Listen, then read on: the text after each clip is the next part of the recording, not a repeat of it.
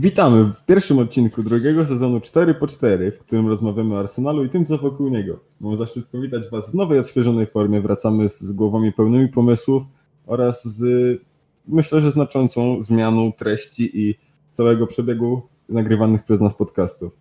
W drugim sezonie przygotowaliśmy dla Was chociażby zmianę jakości poprzez dodanie intro i outro, które będziecie mogli usłyszeć już, yy, myślę, że na dniach. Yy, co jeszcze? Nadchodzi oczywiście także przebranżowienie w bardziej luźną formę. To znaczy, nie będziemy od drugiego sezonu nagrywali um, stricte omówień meczowych, lecz zajmiemy się tym na live'ach, które będziemy nagrywali w dwuosobowych, może w zależności od spotkania też y, większych grupach do których będziemy się z Wami spotykać i dzielić naszymi rozważaniami na temat tego spotkania lub odpowiadać na Wasze pytania. Live myślę, że jest to ciekawa forma, na którą już teraz serdecznie Was zapraszamy. Najbliższa okazja do spotkania będzie pewnie po spotkaniu z Olympiakosem. Podcasty będą pojawiać się również teraz w środku tygodnia i będziemy rozmawiać na jakieś luźne tematy związane z Arsenalem właśnie. Oczywiście Teraz stawiamy także na regularność, w związku z czym mam nadzieję, że będziemy się słyszeć regularnie co tydzień, już bez jakichś zbędnych um, niedociągnięć w naszym, w naszym tutaj redakcyjnym gronie. Ok, przejdźmy teraz już, już na spokojnie do przedstawienia gości, którymi będą dzisiaj Adrian Kozioł. Witam serdecznie, kłaniam się nisko. Kuba Luborski. Cześć wszystkim. Oraz Mikołaj Bara. Cześć, witam. Panowie, brakowało mi tego, muszę to przyznać, mam nadzieję, że wam, że wam także. Bez już przeciągania tutaj tego wstępu, bo i tak myślę, że powiedziałem wystarczająco dużo. Przejdę do pierwszego tematu. Paul Merson oraz Gary Neville wypowiedzieli się ostatnio na temat pracy, dotychczasowej pracy Michaela Artety jako menadżera Arsenalu. Chciałbym, abyście ustosunkowali się do ich słów i wyrazili też własne opinie na ten temat. Paul Merson i, i Gary Neville ogółem nie cieszą się zbyt e, dobrą opinią, jeśli chodzi o e, ich, e, ich, ich jakieś przemowy na temat, na temat wydarzeń, coś, tego co się dzieje w, ogóle w Premier League, ale nie tylko, no ogółem w angielskim futbolu, bo często są to wypowiedzi skrajnie kontrowersyjne, czasami wręcz zahaczające o głupotę. No tak jak Pierwsza z brzegu wypowiedź wystarczy przywołać e, z niedawna Paula Mersona i jego argumentację co do tego, dlaczego Jordan Pickford powinien być e, pierwszym bramkarzem e, reprezentacji Anglii na Euro. No, była to dosyć kuriozalna argumentacja i nie poparta zbyt mocnymi faktami. Dlatego też no, opinię tych panów można kwestionować. Natomiast w tym przypadku mieli oczywiście, mieli moim zdaniem rację Obydwaj oczywiście zwrócili uwagę na to, że Arsenal poczynił znaczący postęp pod e, Mikelem Artetą. Od tego oczywiście, co, co mieliśmy nieprzyjemność oglądać e, jeszcze za e, Unai Emerego. Kiedy już tak, prawdę mówiąc, była agonia jego, jego, jego klubu, znaczy jego klubu, jego zespołu właściwie, bo klubu to agonia nie była, ale, ale jego zespołu. E, I no, ciężko wręcz uwierzyć, że w tak krótkim czasie, bo to no, dwa miesiące od przyjścia Mikela Artety niedawno stuknęły, że, że ten zespół faktycznie wygląda jak zupełnie e, coś, coś, coś innego. E, my jeszcze pamiętam taki okres październik, listopad, też grudzień. Generalnie wielu, wielu, z, wielu kibiców Arsenalu, nie tylko, nie tylko w Polsce, ale też, ale też w ogóle, no, kwestionowało jakość, jaką mają ci zawodnicy, których, którzy obecnie są e, w kadrze Arsenalu. Wiadomo, no, na to się składało wiele rzeczy, jak na przykład słaba forma Nikolasa Pepe, e, katastrofalna forma Ganitarczaki czy Szkodrana Mustafiego, e, także Davida Luiza. No, tak naprawdę jedynymi dobrymi punktami w tym zespole był, był Matteo Genduzzi przez pewien czas, był i przez cały czas oczywiście był Gabriel Martinelli, Pierre-Emerick Aubameyang i, też Ben Bleno. No ale na tym tak naprawdę można by zakończyć tą wymianę E, tych, e, tych dobrze sprawujących się zawodników. A Mika Arteta sprawił, jak e, nie powiem, że za dotknięciem magicznej różdżki, bo to wymagało ogromu pracy i ogromu pracy indywidualnej z tymi zawodnikami, żeby wnieść ich na taki ich optymalny, zdaje się, poziom. Na przykład, kto by się spodziewał, że, że trzy czyste konta z rzędu, co nie zdarzyło się Arsenalowi od kwietnia 2019 roku, przydarzy się właśnie z, środko, z parą środkowych obrońców Mustafi i złożoną z Mustafiego i Luiza E, mających po boku nominalnego lewego skrzydłowego i Hektora Bellerina, który, no, powiedzmy sobie szczerze, w najlepszej formie e, życia nie jest. E, Mikel Arteta generalnie odmienił Arsenal na wielu płaszczyznach. Długo było o nich opowiadać. Przecież oczywiście dla nas najważniejsze są wyniki. Wyniki, także styl gry, z którego nareszcie można się cieszyć, który, który nareszcie znalazł ujście z Newcastle, a także ten charakter, który wspomniał, o którym wspomniał Paul Merson, E, który nam pozwolił wygrać z Evertonem. No ciężko, ciężko by było e, o taką wygraną chociażby dwa miesiące temu. E, i myślę, że to jest, to jest jeden z największych plusów tej pracy Mikela Artety, że podniósł tą drużynę psychicznie, no i teraz tak naprawdę możemy tylko patrzeć z, z, z nadzieją w przyszłość, bo, bo wygląda to dobrze i, i możemy tylko myśleć, jak to będzie wyglądało, kiedy Arteta będzie mógł sam sobie zbudować ten zespół, a nie tylko działać z tym, co otrzymał w spadku po E, po poprzednich e, trenerach Arsenalu. Stwierdzenie, że Arsenal poprawił się po przyjściu do klubu Michaela Artety to w zasadzie nie jest żadna opinia wyrażona, a stwierdzony fakt, bo, bo to jest widać gołym okiem. Przede wszystkim Mikel Arteta, e, tak jak powiedziałeś Kuba, odbudował tych chłopaków psychicznie i widać, że wreszcie zaczęli oni cieszyć się grą na nowo, że ta atmosfera w drużynie, w szatni zdecydowanie uległa poprawie. E, odbudował poszczególnych e, indywidual, indywidual, poszczególnych zawodników, indywidualności w tej drużynie, które miały swoje ogromne problemy pod wodzą e, Unai Emery'ego, zaczynając właśnie od wspomnianego przez ciebie Mustafiego, który był przecież krytykowany przez praktycznie każdego, od, przez Granita Czakę, który był praktycznie na wylocie z klubu razem, razem z Niemcem, Y, też, był, też myślę, że nawiążemy jeszcze do tego tematu dzisiaj. Y, natomiast y, patrząc dalej, oczywiście odbudował Nikolasa Pepe, który od pewnego momentu po prostu błyszczy formą i, i, wie, i ciągnie ten wózek na swoich plecach w pewnym sensie, bo asystuje, strzela bramki i jest mm, faktycznie kluczową postacią w ofensywie Arsenalu. Ale co jest też ważne, Mikel Arteta skupił się na takich bardzo podstawowych rzeczach.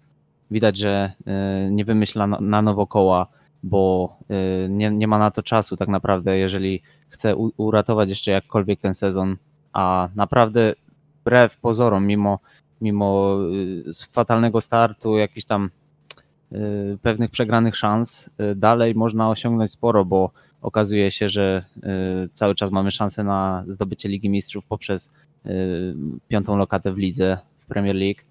Cały czas mamy szansę na, na wygranie w Lidze Europy, także te, te okazje do, y, do triumfów, do uratowania tego sezonu jeszcze są. No i właśnie tym odbudowaniem y, tych podstaw, czyli przede wszystkim skupienia się na ograniczeniu tracenia bramek. Chce Arteta zbudować Arsenal w tym sezonie i to, to od początku mu się, można powiedzieć, udaje. Y, przede wszystkim właśnie wzmocnienie gry w defensywie, ale nie tylko y, jako wzmocnienie y, gry obronnej, gry obrońców, że tak powiem, tej czwórki plus bramkarza, ale właśnie ustawienie zespołu, które wspomaga zarówno skrzydłowi, środkowi pomocnicy, napastnicy, harują teraz w pressingu. Tego nie widzieliśmy za Unai Emery'ego. Także widzimy zespół walczący, walczący o piłkę, walczący w każdej sytuacji, też nie, nie poddający się i, i to rzeczywiście, tak jak Kuba wspomniałeś, y, napawa optymizmem i przede wszystkim y, spodziewamy się, że ten progres cały czas będzie widoczny i cały czas ta drużyna będzie szła do przodu. E, chłopaki już tutaj powiedzieli o, o ewidentnych zaletach pracy Mikel Artety i o postępach, jakie drużyna zrobiła za jego kadencji, więc ja nie będę się już nad tym rozdrabniał, bo chyba wszystko powiedzieli na ten temat. Ja po prostu zanalizuję sobie słowa obu panów i, i postaram się jakkolwiek do nich, do nich odnieść. Postaram się od tej strony trochę ugryźć temat. Paul Merson powiedział, że Arsenal przegrałby mecz z Evertonem, gdyby rozgrywał go 4 miesiące temu. E, zgadzam się w pełni z tym, zwłaszcza jeżeli byłby to Everton e, ten właśnie Carlo Ancelottiego.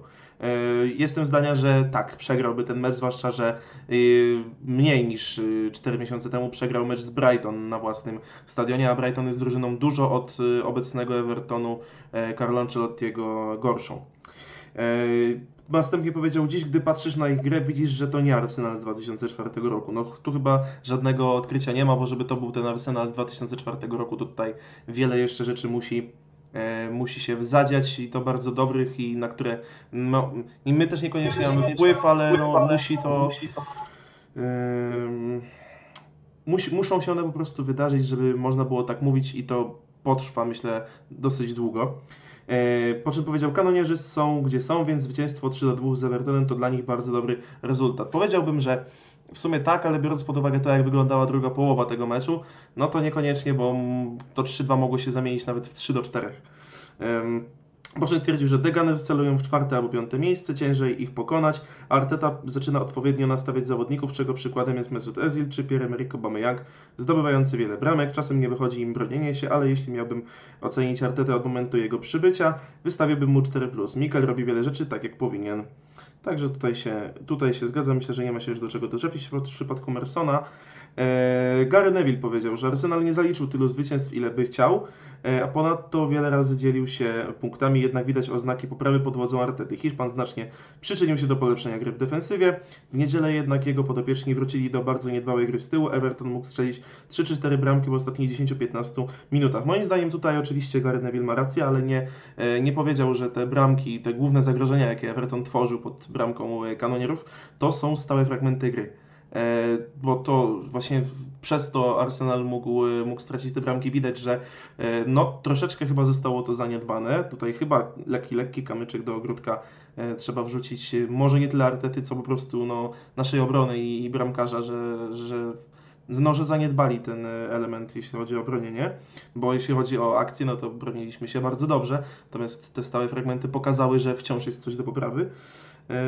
I tak, pełna zgoda. Gdyby nie, mm, gdyby to było parę miesięcy temu, to Arsenal prawdopodobnie nie zdołałby się wybronić i przegrałby i przegrałby po prostu ten mecz. Po czym Gary Neville zakończył wypowiedź mówiąc, że kanonierom wciąż daleko do topu, nie można oczekiwać zmian z dnia na dzień, wszystko musi żyć swoim życiem i podążać we właściwym kierunku. Kluczowym jest, aby zawodnicy grali na odpowiednich pozycjach i starali się pokryć te, które są słabsze. Arteta właśnie to stara się robić. Gra systemem, w którym wspomaga środkowych obrońców i bramkarza, którzy nie zawsze sobie radzą. I tu jest y, jakby podsumowanie meczu z Evertonem, można powiedzieć, tak? Bo, y, bo, jest, bo jest mowa o, o pokryciu tych słabszych pozycji, że wciąż daleko nam do topu, bo taka jest prawda, choć staramy się do tego równać, że jeszcze potrzeba czasu, no i że obrońcy i bramkarz nie zawsze sobie radzą, co pokazał ten mecz w przypadku stałych fragmentów y, gry. To tyle ode mnie y, w tej, analizie. Temat wyczerpany, możemy spokojnie przejść dalej. Lecz zanim to jeszcze chciałbym małą adnotację do tego, co powiedziałem na wstępie, ponieważ nawijam wam tu makaron na uszy o tym, że nadchodzi nowa jakość, a sam dzisiaj brzmię nie najlepiej. Chciałbym za to, za same jakieś zająknięcia czy przerwy w moim mówieniu przeprosić, bo choroba mnie dosyć niespodziewanie dopadła i brzmię jak brzmię, co może też wpłynąć na jakość tego odsłuchu. Niemniej jednak mam nadzieję, że jakoś, jakoś to będzie i w dalszej części poradzę sobie lepiej z moim głosem. Nie przedłużając już tutaj, przechodzę do drugiego tematu. Bukayo Saka i Pierre-Emerick Aubameyang to niewątpliwie duet, który w ostatnich tygodniach działa na zdecydowanie naszą korzyść i to w dużym tego słowa znaczeniu, ponieważ no, jeden i drugi pan mocno przyczyniają się do zwycięstw y, naszego zespołu w ostatnich trzech meczach. Dlatego tutaj kieruję do Was pytanie, czy który z nich, na pewno tutaj sam narzucę z góry, że Bukayo Saka kontrakt podpisany to jest y, kompletny must have, ale odnośnie Pierre Ameryka Aubameyanga, czy z tym panem widzielibyście kontrakt, przedłużenie jego oraz jak, jak wam się podoba ich współpraca na lewej stronie? Oczywiście to, to jest, można powiedzieć, pytanie retoryczne, bo yy, Aubameyang w tym momencie jest jednym z lepszych napastników, o ile, no może bez przesady, ale na pewno jest jednym z lepszych napastników całej Premier League, nie tylko w Arsenalu nawet na tym skrzydle prezentuje się moim zdaniem bardzo dobrze, zwłaszcza e, odnajduje się w tej roli kapitana, wziął odpowiedzialność na swoje barki, nie ucieka od niej i e, pokazuje to swoją postawą zarówno na boisku, jak i poza nim. buduje tę atmosferę w drużynie i oczywiście do, dokłada do tego fantastyczne umiejętności. Plus to, co może nie obserwowaliśmy tego wcześniej aż tak w takim dużym stopniu, zanim otrzymał paskę. Jego harowanie w defensywie jest po prostu no, niebywałe ostatnimi czasy, bo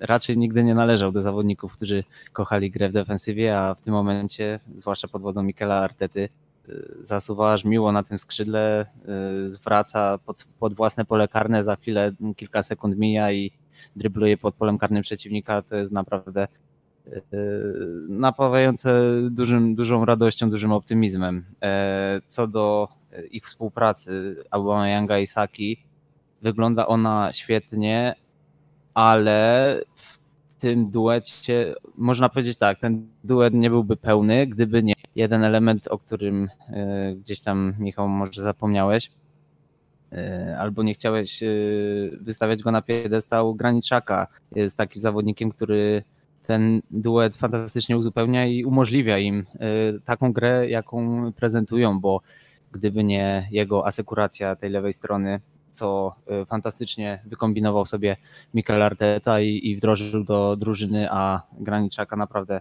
dobrze to wykonuje, y, to... Coś się jeszcze Miki, sorry? Ja niekoniecznie o nim zapomniałem, po prostu nie chciałem y, zdradzać, bo o Granicie też mamy dzisiaj porozmawiać, dlatego jego rolę oczywiście nadmienimy dalej, mam nadzieję, także... Jasne, jasne, tylko że wydaje mi się, że nie możemy mówić o Y, świetnej współpracy Saki i Obameyanga bez, bez, postawy, bez docenienia postawy Granita Szaki, bo y, tak naprawdę to on umożliwia Szacek grę tak naprawdę jako, jako skrzydłowy, a Obameyangowi wchodzenie w rolę drugiego napastnika i tak naprawdę tak to, tak to często wygląda w takich sytuacjach meczowych. Oczywiście y, mówię o grze w ofensywie, bo w defensywie każdy ma tam swoją określoną pozycję, do której jest przypisany i na której zadania wykonuje. Y, no, oczywiście y, Saka fantastycznie wygląda w tej ofensywie, bo y, dysponuje lekkością w driblingu, nie boi się podejmować odważnych decyzji, czy to o strzale, czy to wchodzeniu właśnie pojedynki jeden na jeden w strefie właśnie pod polem karnym, w strefie bocznej, tak samo w strefie środkowej. Nie ma to dla niego większego problemu. Widać, że jest pewny siebie, że nie, nie sprawia mu jakby problemu, nie obciąża go to zbytnio psychicznie, y, nie czuje tej odpowiedzialności na sobie. Nie boi się stracić tam piłki, bo wie, że jest y, od, odpowiednio ubezpieczany z tyłu, a poza tym wie, że y, wierzy, myślę, że wierzy w swoje umiejętności i wie, że koledzy z drużyny oczekują od niego właśnie wchodzenia w te pojedynki, a wygrywać je potrafi. Także, także na pewno, jeśli chodzi o ofensywne nastawienie, to ta dwójka daje dużo radości. Pod względem defensywnym wygląda to, wygląda to różnie, bo wiadomo, to znaczy przynajmniej jest to taka moja prywatna opinia, y, że Saka na lewej obronie na długi, na długi termin raczej się nie sprawdzi, bo, bo tych y, umiejętności defensywnych raczej mu trochę brakuje, ale, ale tak jak mówię, w meczach, kiedy trzeba atakować, kiedy trzeba zdobywać dużo bramek, to naprawdę jest to bardzo efektowne i, i przy okazji bardzo efektywne. E, to znaczy, to ja może zacznę na, tak, jak, tak jak e, Mikołaj tutaj skończył, czyli na temat umiejętności defensywnych e, Bukayo Saki, których no, na dłuższą metę mu brakuje i to jest taki eufemizm, bym powiedział, bo, bo druga połowa meczu z Evertonem pokazała na jakim poziomie dodając to rzeczywiście do tego zmęczenie, są obecnie umiejętności defensywne młodego Anglika. Chociaż nie wiadomo czy Anglika, bo nie wiadomo czy jeśli nie będzie dostawał powołania, to czy nie to czy w ogóle będzie grał w tej reprezentacji. Tam bodajże Gana się u niego, o, e, o niego upomina, jeśli, do, jeśli dobrze pamiętam, jeśli nie, to mnie... Nigeria. Czy, czy Nigeria, no, no, tak, więc wiedziałem, że któreś na z afrykańskich e, reprezentacji. I szkoda by było, żeby Anglicy takiego e, zawodnika stracili, będącego, mogącego grać zarówno na lewej obronie, na lewym wahadle, na lewym skrzydle, jak i na e, którejś z ofensywnych innych e, pozycji. E, no ale mniejsza o to, no fakt, tych defensywnych umiejętności u Anglika ciągle brakuje, ciągle ich y, szukamy, ciężko je tam znaleźć, ale cóż, mm, jest ciągle młody, ma w tym roku zaledwie 19 lat i od kogo się uczyć defensywnych umiejętności, jak nie od takiego fachowca jak, jak Mikel Arteta i jak nie w takim klubie jak, jak Arsenal. Wydaje mi się, że wciąż ma jeszcze czas, żeby się tego wszystkiego nauczyć, żeby to wszystko posiąść. Fajnie by było, gdyby już to miało, ale no nie każdy rodzi się ze wszystkim i taka jest też e, naturalna kolej rzeczy. Są też e, tacy obrońcy, którzy zdecydowanie lepiej atakują niż, e, niż bronią. Jest to chociażby Trent Alexander-Arnold z Liverpoolu. Broń Boże, nie chcę tutaj porównywać Bukayo Saki do, do, do Anglika z, z Liverpoolu. To w ogóle zresztą inna flanka, troszeczkę też inny styl gry, ale też y, nierzadko ma on problemy z y, bronieniem dostępu do własnej bramki, co czasami kosztuje Liverpool gole. To też warto o tym powiedzieć, a jednak nadrabia to wszystko ofensywą, kapitalnie ułożoną prawą stopą i, i, po prostu daje, daje radę. Także jest przyszłość dla Bukayo Saki na lewej obronie, ale musi zdecydowanie poprawić swoje umiejętności defensywne. Jeśli już mam przejść do Pierre-Emerick Aubameyanga, bo tutaj o ich współpracy doskonale Mikołaj tutaj powiedział i, i docenił Granit Czakę, który doceniony zostać musiał. Wygłosiłem dzisiaj taką opinię na, na grupie Sknerusy Siwego i Łysego. To jest grupa nieanonimowa, powiedzmy sobie szczerze, dla fanów Arsenalu w Polsce, bo jedna z najpopularniejszych, jeśli nie najpopularniejsza w tym momencie, e, fanów kanonierów, mm, gdzie jeden z użytkowników napisał, że wolałby, e, że wolałby Nicole Pepe i Martin Lego na skrzydłach, a Obameyanga na szpicy że, że, że marnujemy potencjał e, Gabończyka wystawiając go na skrzydle. No ja na przykład nie, nie zgodzę się z tym i jeśli ktoś, no nie wszyscy nasi słuchacze muszą znać mnie albo muszą koniecznie znać grupę, więc pozwolę sobie jeszcze raz wygłosić ten komentarz, który wtedy napisałem, że sęk w tym, że Obama, Obameyang nie, według mnie osobiście, e, nie nadaje się do gry na szpicy w taktyce Mikela Artety, ponieważ gra zbyt słabo tyłem do bramki, ma znikome pojęcie o driblingu, żeby w ogóle nie powiedzieć, że brakuje mu po prostu driblingu. E, I nierzadko ma też problemy z e, celnością podań, co w taktyce Mikel Artety jest absolutnie niewybaczalne.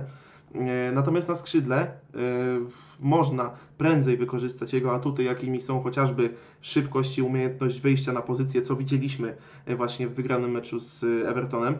E, I do tego bardzo dobrze wspomaga właśnie Bukayo Sake w, w, tych, w, tych, w tych meczach, gdzie widzimy, że on też cofa się, wraca się do obrony i, i stara się, haruje na całej szerokości, na całej, na całej długości bardziej e, tej lewej strony i to, i to bardzo, bardzo imponuje. E, widać, że sprawdza się w, tej roli, chyba mu to odpowiada, poza tym nie zauważyłem jakoś spadku skuteczności u Gabończyka, odkąd, odkąd gra na lewym skrzydle u Artety. Także według mnie ten manewr jak najbardziej może zostać. Nie musimy na siłę przestawiać go na, na środek ataku z powrotem, skoro tutaj po prostu czuje się dobrze, a na środek ataku mamy wtedy y, opcję albo Aleksandra na, na, na, na, którego powrót do formy też czekamy ciągle wszyscy. Y, no albo Andiego Nketiaha, który no, w tym momencie, jak widać, to on bardziej zasługuje na, na to miejsce w podstawowym składzie. Zresztą też strzelił y, bramkę w meczu z Evertonem, czym potwierdza, że mm, strzela i to jest najważniejsze u, u napastnika. Także jeśli chodzi o tę współpracę, no to, to tyle mogę powiedzieć i oczywiście chciałbym, żeby obaj panowie u nas zostali i podpisali nowe kontrakty, bo to jest absolutnie dla nas w tym momencie najważniejsze. Dokładnie tak jak Adrian zakończył, tak jak, jak tak ja z kolei zacznę. E, no, podstaw, podstawowymi sprawami na, na lato, na najbliższe miesiące przynajmniej powinny być właśnie, powinno być właśnie przedłużenie kontraktów z Bukayo Saką i, i, i z Pierre'em Emerikiem Aubameyangiem, bo jeden jest oczywiście naszym najlepszym zawodnikiem, a drugi, a drugi jest chyba najbardziej obiecującym zawodnikiem, e, który ma 18 lat, a gra tak jakby miał co najmniej myślę z 5 lat więcej. E, no niesamowity jest ten chłopak, zwłaszcza w ostatnim czasie, pokazuje się ze świetnej strony na tej lewej obronie.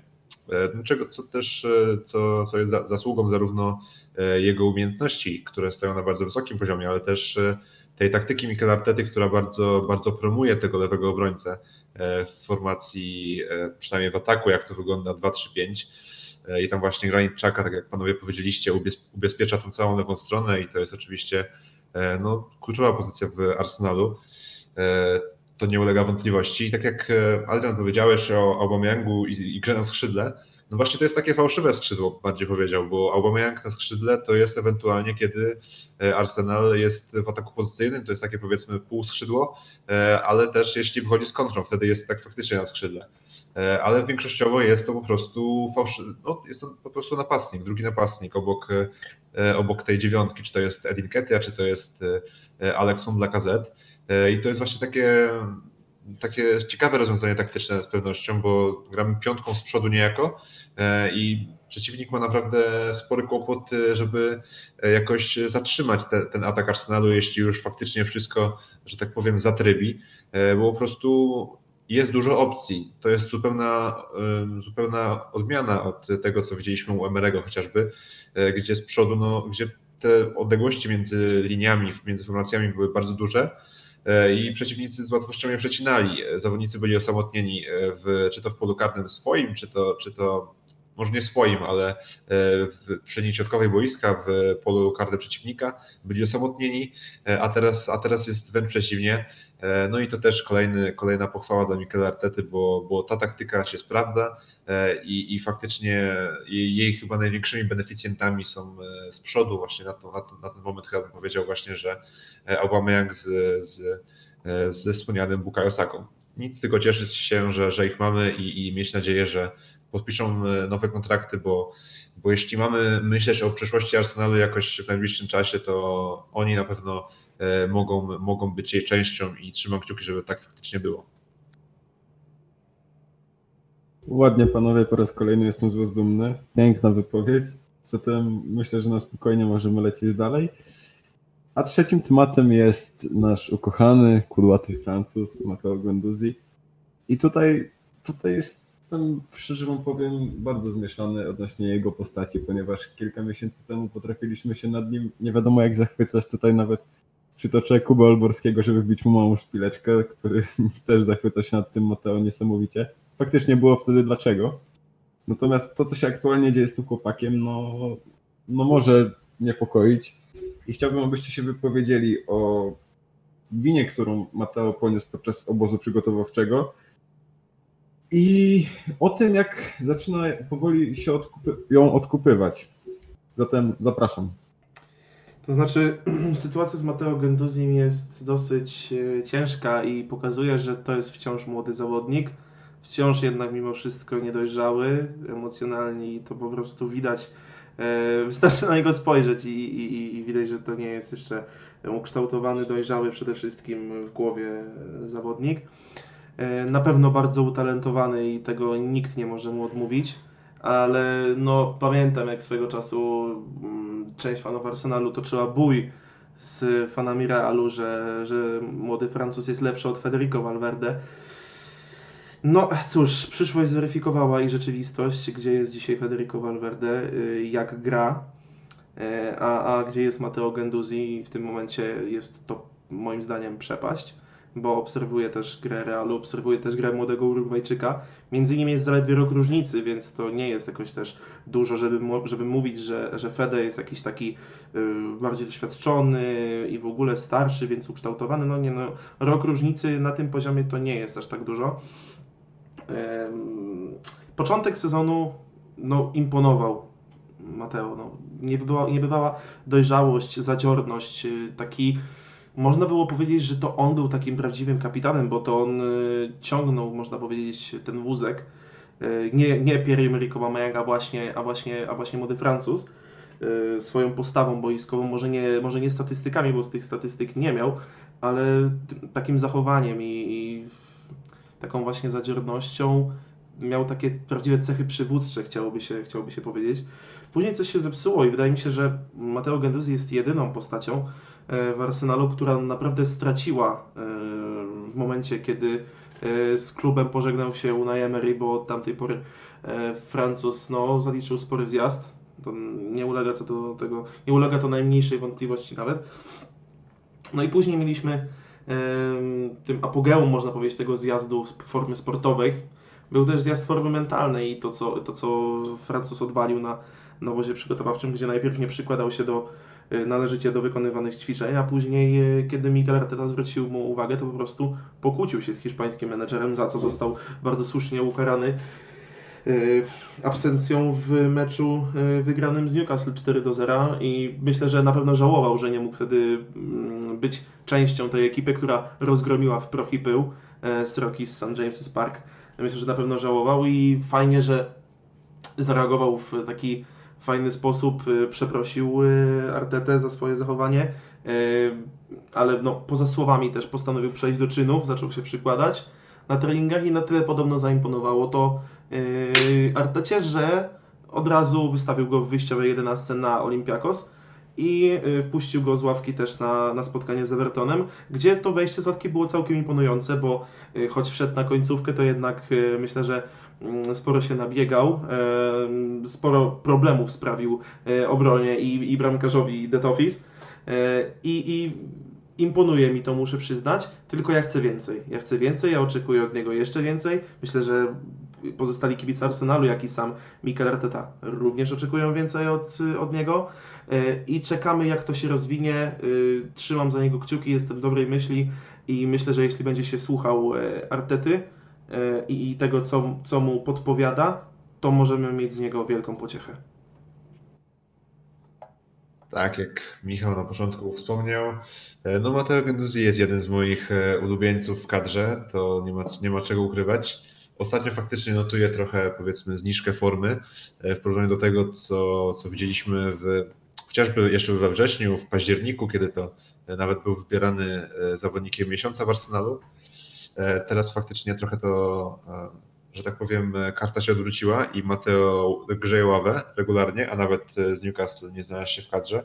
Tak jak już Adrian powiedział, powody były raczej oczywiste I, I, dobrze, że tak się stało, że, że nie znalazł się w tej kadrze, jeśli faktycznie e, te incydenty, o których e, mowa była chociażby w The Athletic, są prawdą, czyli na przykład na przykład kłótnia z Mikelem Martetą to miał być główny powód, ale też zachowanie podczas jakiegoś koncertu muzyki lokalnej, gdzie podobno zdjął koszulkę, zaczął nią wymachiwać. No niby to jest, może być na swój sposób śmieszne i możemy powiedzieć, że E, że, że przesadził ktoś tam, e, że to było strasznie, jakieś straszne i tak dalej.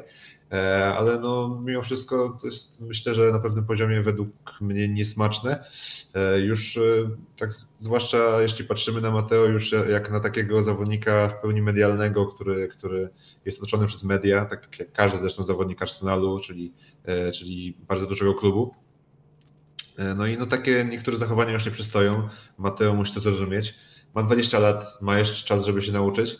E, natomiast e, no tak jeszcze pokrótce chciałem się odnieść do tego, jak, jak jest postrzegany u fanów Arsenalu, bo to też ciekawa sprawa. No w pewnym momencie, tak jak powiedział, e, jak powiedział Adrian, wręcz ekstaza była swego rodzaju na, na punkcie Mateo Genduziego. Bardzo był wychwalany przez zewsząd tak naprawdę. Każdy fan Arsenalu widział w nim długo, długoterminową przyszłość w klubie ale teraz, teraz kiedy ma ten gorszy okres, 20-letni chłopak, przypominam, 20-letni chłopak, e, nagle, nagle większość fanów, przynajmniej w Polsce, i przynajmniej większość tych, których, e, których jakoś tam widzę i obserwuję, E, czy to na, na armatkach, czy to na, czy to na grupach jakichś fanowskich, e, no straszny ma problem z Mateo Genduzim jako takim zawodnikiem, który się awanturuje, który jest podobno zbyt pyszny, zbyt butny na boisku, e, który skupia się na awanturach, na tworzeniu awantur na boisku i, i ponoszeniu ciśnienia rywalom, czy to, czy to kibicom rywali. No i moje pytanie jest tylko takie, właściwie dlaczego nie? Dlaczego nie?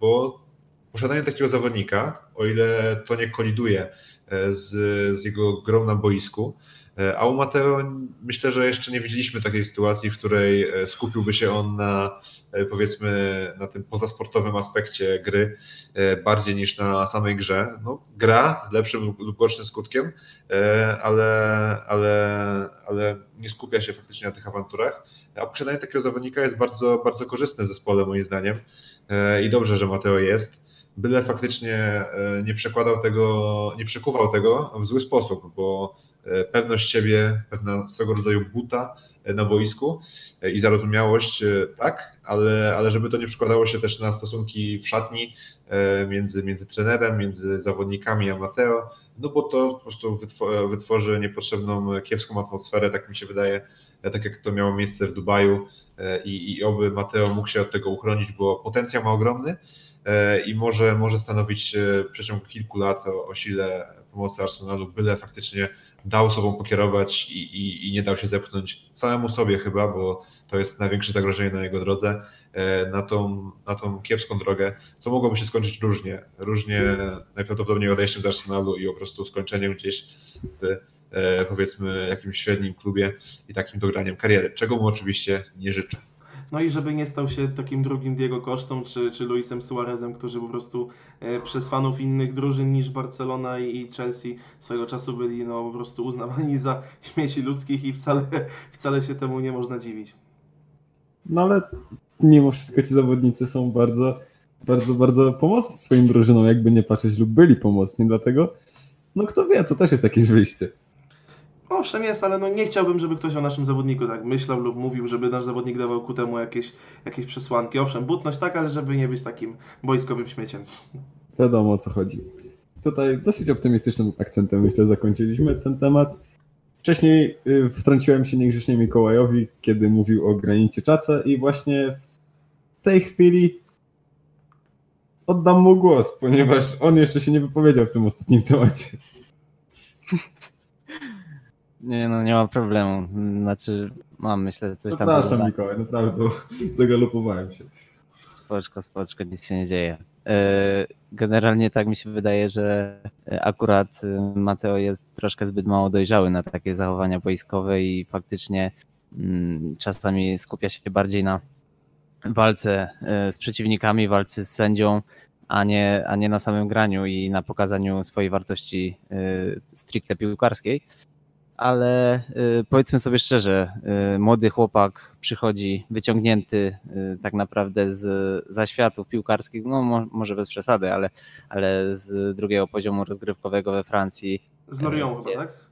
Tak, z Lorient dokładnie, z Ligue 2 E, przychodzi do wielkiego klubu i jest od razu wpychany do pierwszego składu, bo przecież przypomnijmy sobie, że on momentalnie wskoczył do wyjściowej jedenastki wtedy e, Unai Emery'ego, który obdarzył go ogromnym kredytem zaufania. I to na City jeszcze, na Manchester City go wypuścił w pierwszym składzie.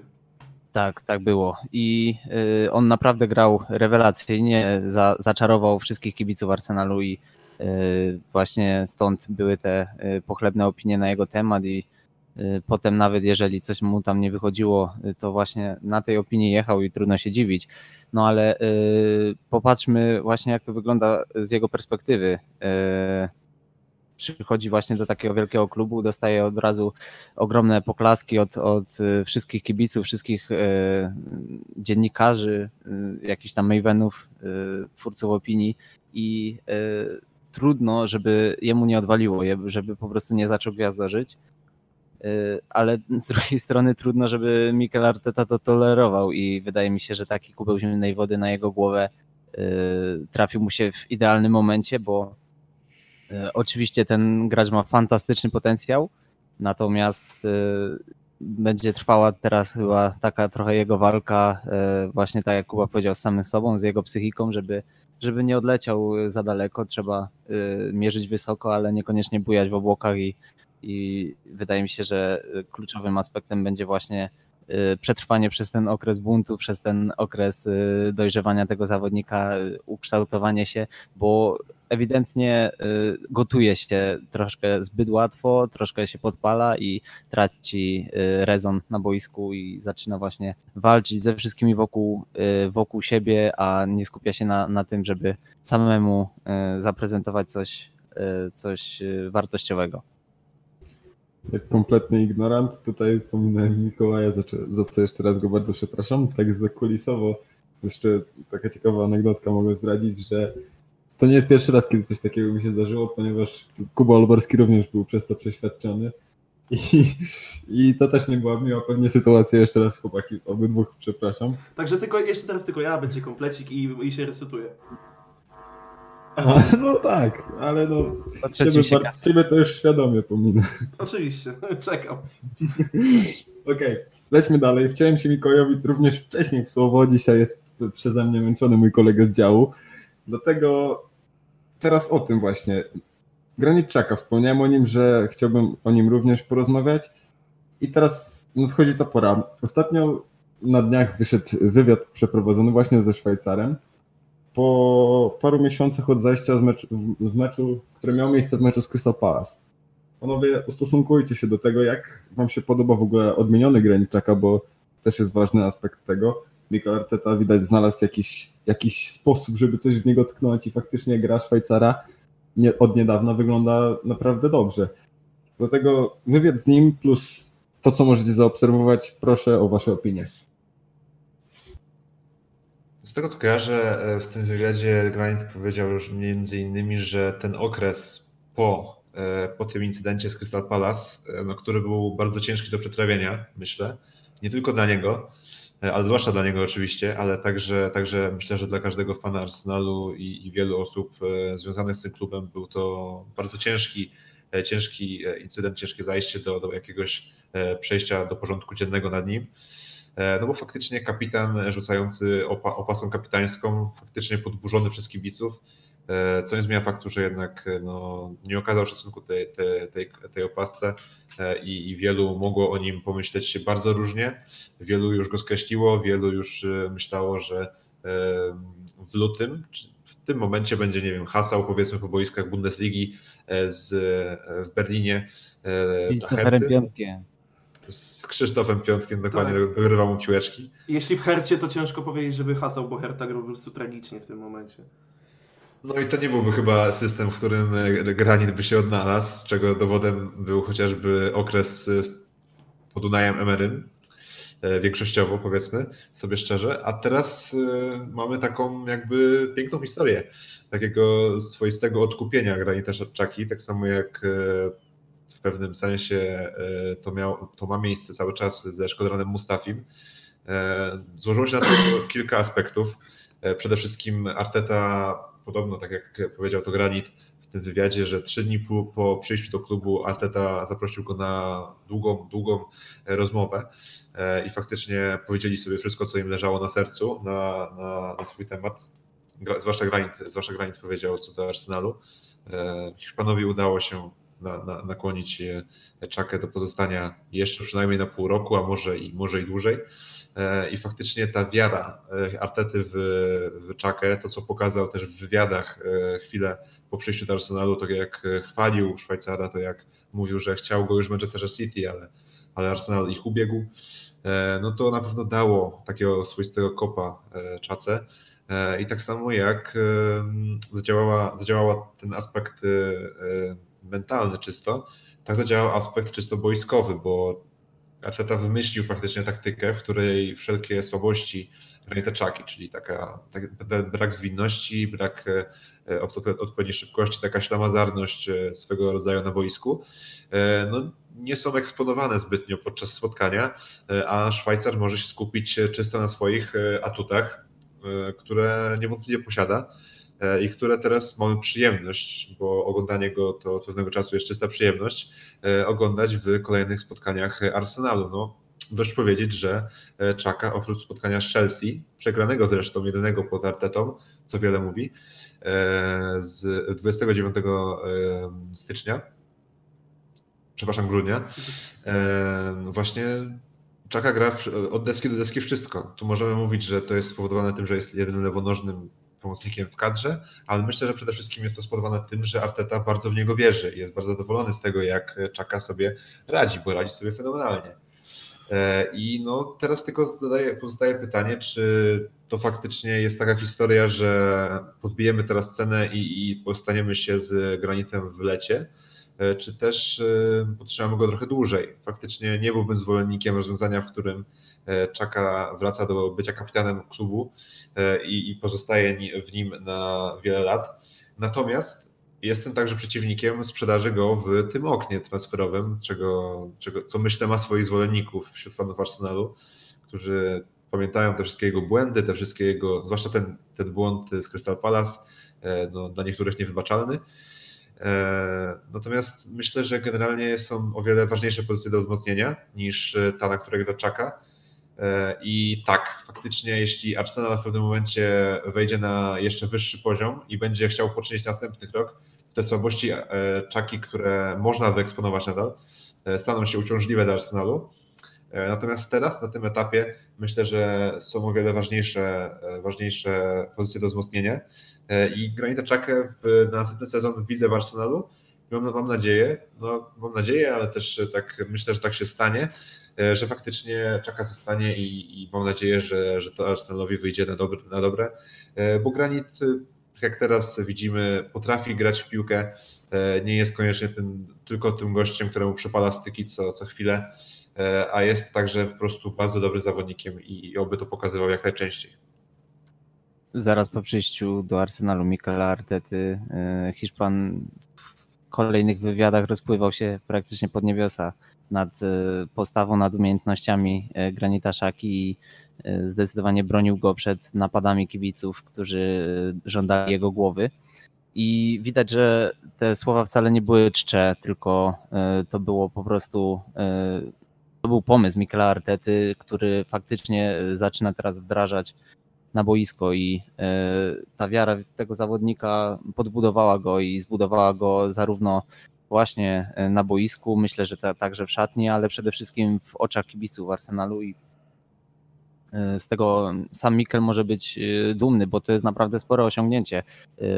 Wyciągnąć z takiego, no nie bójmy się może tego słowa, z takiego gówna, wyciągnąć Granita Szakę, bo naprawdę myślę, że nawet sam, sam Szwajcar myślał już, że jego kariera w Arsenalu jest skończona co zresztą też przyznawał w tym wywiadzie.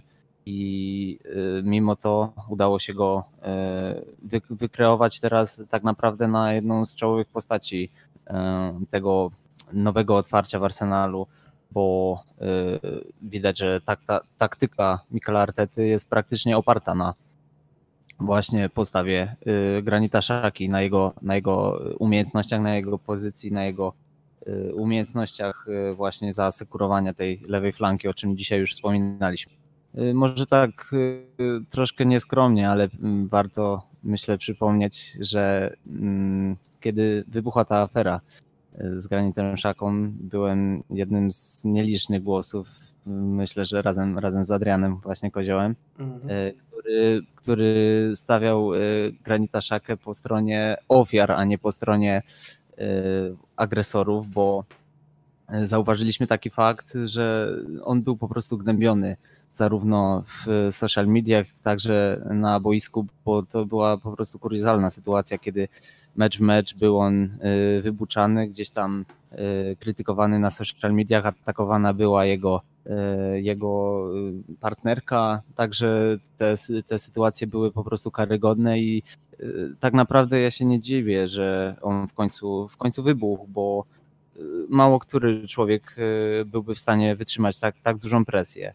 Natomiast potrafił zostawić to gdzieś za sobą, bo Zauważmy, że y, ta niechęć mogła być y, obustronna, bo zarówno y, kibice zrazili się do Granita Szaki, ale przede wszystkim Granit Szaka zraził się do kibiców i tak naprawdę to on mógł mieć teraz problem z występowaniem. Dla tych kibiców, którzy przed chwilą gdzieś tam atakowali go z trybun, a w tym momencie oklaskują jego grę i bardzo, bardzo przyjemnie się na to patrzy w tym momencie, że że ten topór wojenny został zakopany i e, myślę, że nie ma już żadnych, żadnych pretensji zarówno z jednej strony, jak i z drugiej. Wydaje mi się, że e, niemożliwym jest pozbycie się teraz Szwajcara, bo e, tak jak wspominałem wcześniej, Arteta chce budować swój zespół na, na tym zawodniku, bo takiego zawodnika właśnie potrzebuje zarówno w szatni, jak i na boisku, dlatego wydaje mi się, że y, Szwajcar właśnie będzie,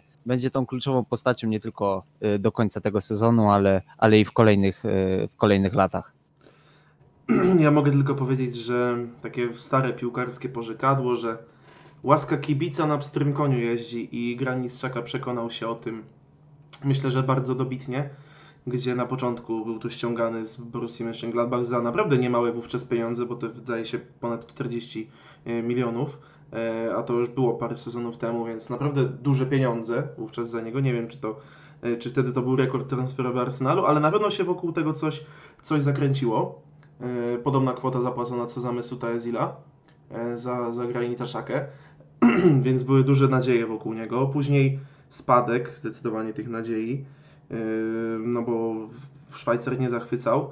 No i później to jego wiadomo jakieś powiedzmy te kwestie mentalne i tak dalej, psychiczne, yy, bo, bo, bo po prostu Szwajcarowi nierzadko odcinało prąd na boisku, bo już nie mówię o tym, o tej akcji z Crystal Palace, ale po prostu czasami yy, zdarzały się jakieś bezmyślne wejścia, głupie żółte czy czerwone kartki, osłabianie drużyny w, w dosyć yy, no, no głupi po prostu sposób.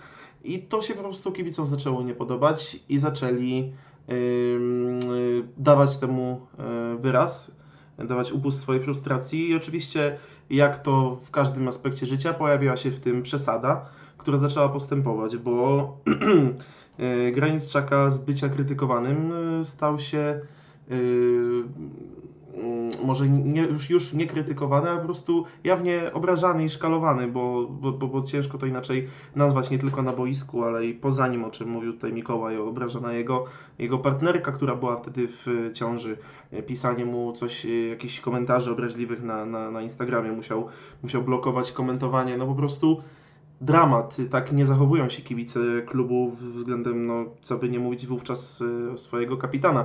Ciężko mi sobie przypomnieć taką, taką sytuację e, w którymś z tych powiedzmy najlepszych klubów, żeby takie rzeczy miały, miały po prostu miejsce. Jedyne co mi przychodzi do głowy to jest e, sytuacja w Barcelonie z André Gomeszem, ale on nie był wtedy postacią dla Barcelony fundamentalną, ważną tylko po prostu bo on był sobie jakimś tam jednym z pomocników, którym pokładano nadzieję, ale mimo wszystko on był gdzieś na, na uboczu, bo nie był nigdy Sergio Busquetsem, czy, czy chociażby Iwanem Rakiticiem, raczej był gdzieś tam z boku i jeżeli wychodził w wyjściowej 11, to uwaga na nim się nie skupiała, ale najczęściej po prostu zaczynał mecz na ławce. I tam wiemy, że działy się naprawdę mm, straszne rzeczy na Camp Nou, gdzie, gdzie zawodnik, to też były chore sceny, że w momencie, kiedy, kiedy André Gomes był przy piłce, to po prostu były gwizdy i buczenie na Camp Nou i to nie jeden czy dwóch kibiców, tylko kilkanaście czy kilkadziesiąt tysięcy to musiało siąść na psychice, tam się, tam się naprawdę obi, obi, obiło z tego, co, z tego, co ja słyszałem, z tego, co ja kojarzę, to tam nawet pojawiły się myśli samobójcze u Portugalczyka i, i, i, i też to były trudne miesiące dla niego, no bo później przyjście do Evertonu, odżył i nagle to złama, złamanie nogi w pechowy sposób w sytuacji z Sonem czy Orierem, no ale już zaczynam troszkę odchodzić od tematu, więc ja tylko odniosę się jeszcze do słów na, na sam koniec yy, samego Granita, yy, które powiedział właśnie w tym wywiadzie. powiedział tak, nie będę kłamał, tamta chwila była trudna dla mnie i dla mojej rodziny. Mam nadzieję, że ludzie to zrozumieją. Myślę jednak, że pokazałem swój charakter. Nie jestem typem faceta, który ucieka od problemów. Zawsze powtarzam, że kiedy tutaj jestem, będę gotów dać z siebie wszystko. Zawsze tak było. Każdego dnia bardzo ciężko trenuję. Najważniejsze jest to, że wszystko się odwróciło i jestem z tego powodu bardzo szczęśliwy. Wiedziałem, co jestem w stanie dać drużynie, z opaską i bez niej. Podczas ostatniego meczu z Crystal Palace nie chciałem przyjąć opaski od Younga. Sokratis i David Luiz powiedzieli mi, żebym został kapitanem. Jeśli kiedykolwiek klub poprosi mnie o jej przywdzianie, będę musiał zastanowić się dwa razy. Staram się myśleć o przyszłości. Wiem, że przed nami wielkie rzeczy z Mikelem, dlatego też jestem bardzo zadowolony. I to też pokazuje, jak Granit Czaka, mimo tego, że ma już 27, za chwilę 28 lat, jak dojrzał mentalnie w ciągu tych kilku mm, tygodni, miesięcy pracy y, u Mikela Artety. Mm, jest dużo bardziej rozważny, tak na boisku, jak i słyszymy po tych słowach y, też poza nim. I to cieszy na pewno, że Arteta potrafił dotrzeć do, do piłkarzy, zwłaszcza tych, których no, mieliśmy za najbardziej opornych yy, psychicznie, no bo jednak za takiego Granita trzeba uważać, patrząc na jego niektóre zachowania. Ja dzisiaj, szczerze mówiąc, y, na ten moment nie przypominam sobie jakiegoś takiego zachowania Czaki, że traci piłkę i od razu kogoś kosi, albo wjeżdża dwoma, dwiema prostymi nogami komuś y, w, w, w nogi spóźniony. I, i to, to na pewno cieszy, że jest dużo bardziej odpowiedzialny za to, co robi, za to, co mówi. Ogarnął się i, i szczerze mówiąc życzę mu wszystkiego, wszystkiego dobrego, wszystkiego najlepszego. Mam nadzieję, że będzie z nami jeszcze długo e, i że będzie nieustannie się, nieustannie się poprawiał, bo na pewno e, w nim jeszcze drzemie jakiś, jakiś, jakiś potencjał, który myślę, że Mikel Arteta jeszcze na pewno uwolni. Oczywiście życzymy wszyscy Granitowi jak najlepiej i tym samym kończymy tym akcentem pierwszy odcinek drugiego sezonu naszego podcastu. Razem ze mną dzisiaj byli Kuba Olborski. Dzięki, do usłyszenia. Mikołaj Baran? Dzięki wielkie. Pamiętajcie jeszcze może na koniec dodam, łapkujcie nasze, nasze podcasty, gdzieś tam udostępniajcie, subskrybujcie kanał, bo chcemy dotrzeć do jak największej liczby odbiorców, bo ruszamy tak naprawdę z nową jakością i, i zależy nam, żebyśmy nie robili tego dla siebie gdzieś tam do szuflady, tylko właśnie dla Was. Dzięki wielkie, do usłyszenia. Oraz oczywiście zapraszamy na czwartkowego już live'a po Olimpiakosie i po, miejmy nadzieję, awansie do kolejnej fazy Ligi Europy. Oraz Adrian Kozioł. Dziękuję bardzo, było mi bardzo miło tutaj zas- zasiąść z Wami ponownie, panowie, przed, y, przed tym mikrofonem i pogadać trochę o tym naszym y, wspaniałym y, klubie. E, No i oczywiście tak samo jak chłopaki zachęcam do, do udostępniania, lajkowania, łapkowania, wszystkiego co się da, bo po pierwsze nie dość, że dociera to do większej liczby osób, to po drugie jak widzimy te liczby, że rosną, to też motywuje nas to do, do cięższej y, pracy nad tym i, i, i jeśli ta praca będzie cięższa z naszej strony, to na pewno jakość będzie lepsza, także koniunktura będzie się nakręcała. Aha, i zapraszamy na nasze No, dokładnie na to zapraszamy. Mik- Miki ucięło Cię. Mówiłem, Nie. że zapraszamy na nasze Twittery. A, oczywiście. Nie wiem, czy Na Adriana bym uważał. On jest taki, taki szemrany typ. Ja jestem bardzo ofensywny, ale, ale, ale przyjemny w dotyku. To już jak myślisz, to jak nie wiem, zapraszasz czy nie zapraszasz, nie wiem. No to nie. Dobra, panowie, koniec. Dzięki. Ja nazywam się Michał Kaster, to było 4 po 4. Do usłyszenia, cześć.